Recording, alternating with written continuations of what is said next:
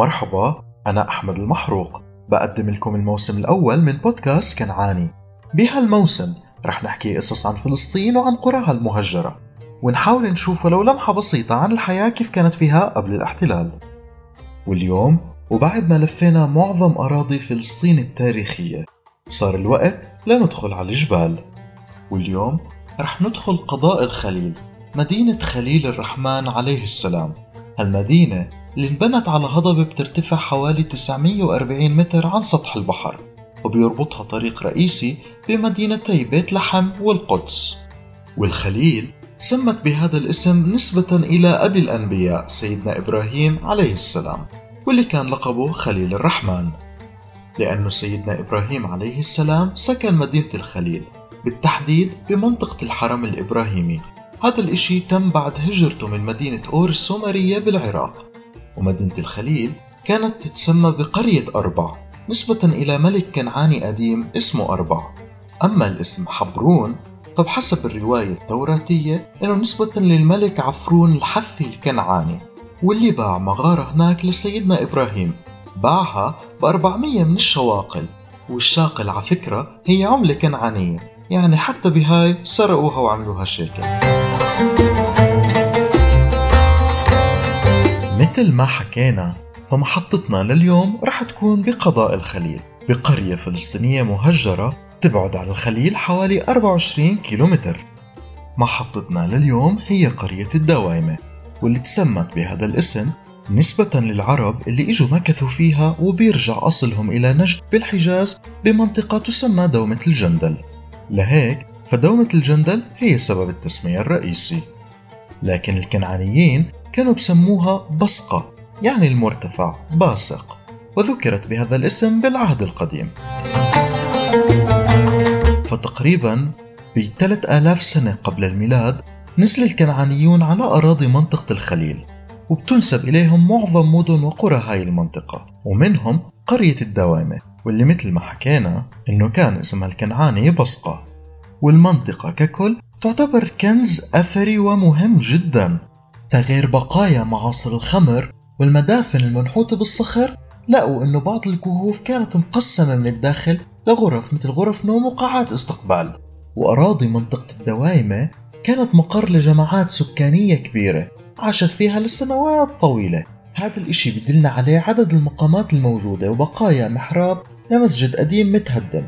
عثر عليه جنب خربة قديمة جنوب الدوايمة كان الرعاة والمزارعين بيصلوا فيه مرات. وأحد أهم المقامات كمان هو مقام لشيخ اسمه علي.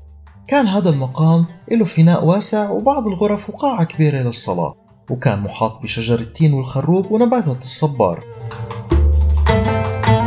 وكمان كان في بنص القرية مسجد لأصحاب الطريقة الخلوتية من طرق المتصوفين والمنسوبة للشيخ عمر الخلوتي اللي توفى سنة 1397 وسع سكان القرية المسجد وجددوه بالثلاثينيات وأضافوا له مأذنة شامخة للقرية كمان كان فيها عدد من المتاجر موجودين بمركزها وبيوت سكانها كانت مبنية بالمعظم من الحجارة والطين وبيفصل بيناتها بعض الأزقة الضيقة.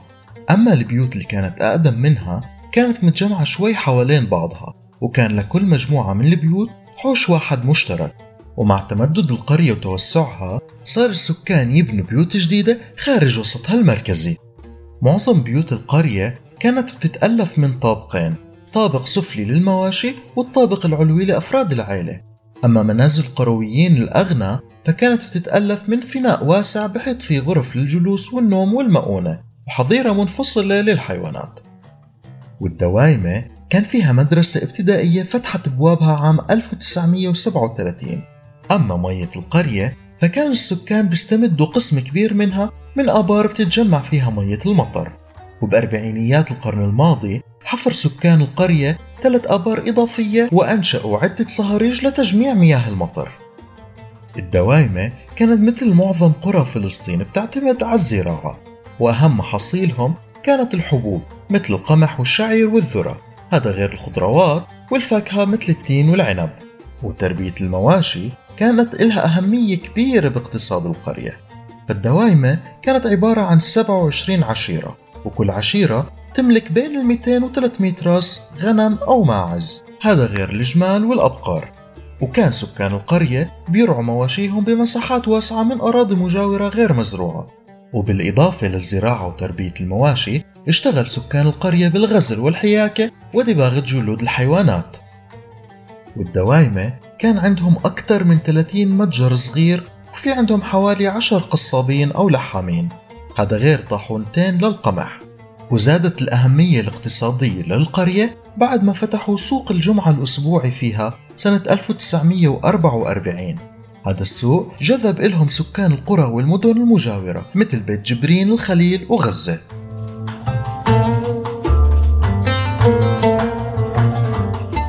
29 عشرة عام 48 حصلت مجزرة الدوائمة هي واحدة من أكبر المجازر اللي ارتكبتها المنظمات الصهيونية المسلحة. هاي المجزرة أسفرت عن أكثر من 100 شهيد وما ضل بيت غير ما طلع منه على الأقل شهيد واحد. وبحسب صحيفة علها مشمار الإسرائيلية اليومية واللي كانوا عم يتفاخروا بهالمجزرة حكوا التالي حكوا إنه تم قتل الأولاد ضربا على رؤوسهم بالهروات ولم يخلو منزل واحد من قتيل. وأمر أحد الضباط زارع ألغام إنه يوضع امرأتين كبار بالسن بأحد المنازل ويدمر المنزل وهم فيه. رفض زارع الألغام. فأمر الضابط وقتها رجاله بأنهم يوضعوا الامرأتين داخل المنزل ونفذ عمله المشؤوم. وتباهى أحد الجنود أنه اغتصب امرأة ثم أطلق النار عليها. وبحسب شاهد عيان اللي هو مختار القرية بوقتها حكى أنه الساعة كانت حوالي عشرة ونص الصبح. مرت دبابتين قدام مسجد الدراويش اللي كان في وقتها حوالي 75 رجل كبير بالسن. جاءوا بكير ليأدوا صلاة الجمعة. جمعوا بالمسجد للصلاة. قتلوهم جميعا بدم بارد. وبيحكي المختار كمان إنه في حوالي 35 عائلة تخبت في الكهوف خارج الدوايمة كان بعضهم فر من قرية القبيبة اللي تم احتلالها سابقا. ولما اكتشفت القوات الإسرائيلية وجود هاي العائلات أمروهم إنهم يطلعوا من المغر ويصطفوا طوابير قدامهم. ويا دوب هم طلعوا من هون وأطلقت نيران الرشاشات عليهم من الجهتين. وبيحكي المختار كمان إنه بليلتها أرسلنا ناس جمعوا الجثث وضعوهم ببير بعدين دفناهم. هدول ما كانت الأعمال الإجرامية الوحيدة اللي عملوها. فبيتبجح أحد الجنود وقتها إنه قتل امرأة وطفلها الرضيع على إيديها وما تحركت القيادة الإسرائيلية لتوقف هاي المذبحة. بل وضعوا عقبات قدام زيارة مراقبي الأمم المتحدة لموقع القرية. وبعد عدد من الطلبات تم السماح لوفد الأمم المتحدة إنه يزور موقع المجزرة. هذا الإشي كان ب 8 11 48 وقتها شاهد الوفد المراقب الدخان عم يتصاعد من المنازل. كان لإخفاء الجثث المتعفنة بالقرية. أكد على ذلك لما حكى أشتم رائحة غريبة وكأن بداخلها عظما يحترق. ولما سأل الوفد عن سبب تفجير البيوت حكى الضابط الإسرائيلي إنه كان فيها حشرات سامة لهيك اضطروا ينسفوها. لما سأل عن مسجد البلدة حكى له الضابط إنه إحنا بنحترم قدسية المساجد وما بندخلها. لكن أحد المرافقين من الوفد قدر يدخل للمسجد واللي لقى إنه تم استيطانه من قبل اليهود. لم يتم السماح لفريق الأمم المتحدة بزيارة جنوب القرية وعملوا الحجة إنه في ألغام هناك وادعوا أن سكان القرية هربوا قبل ما يوصل الجيش الإسرائيلي إلها.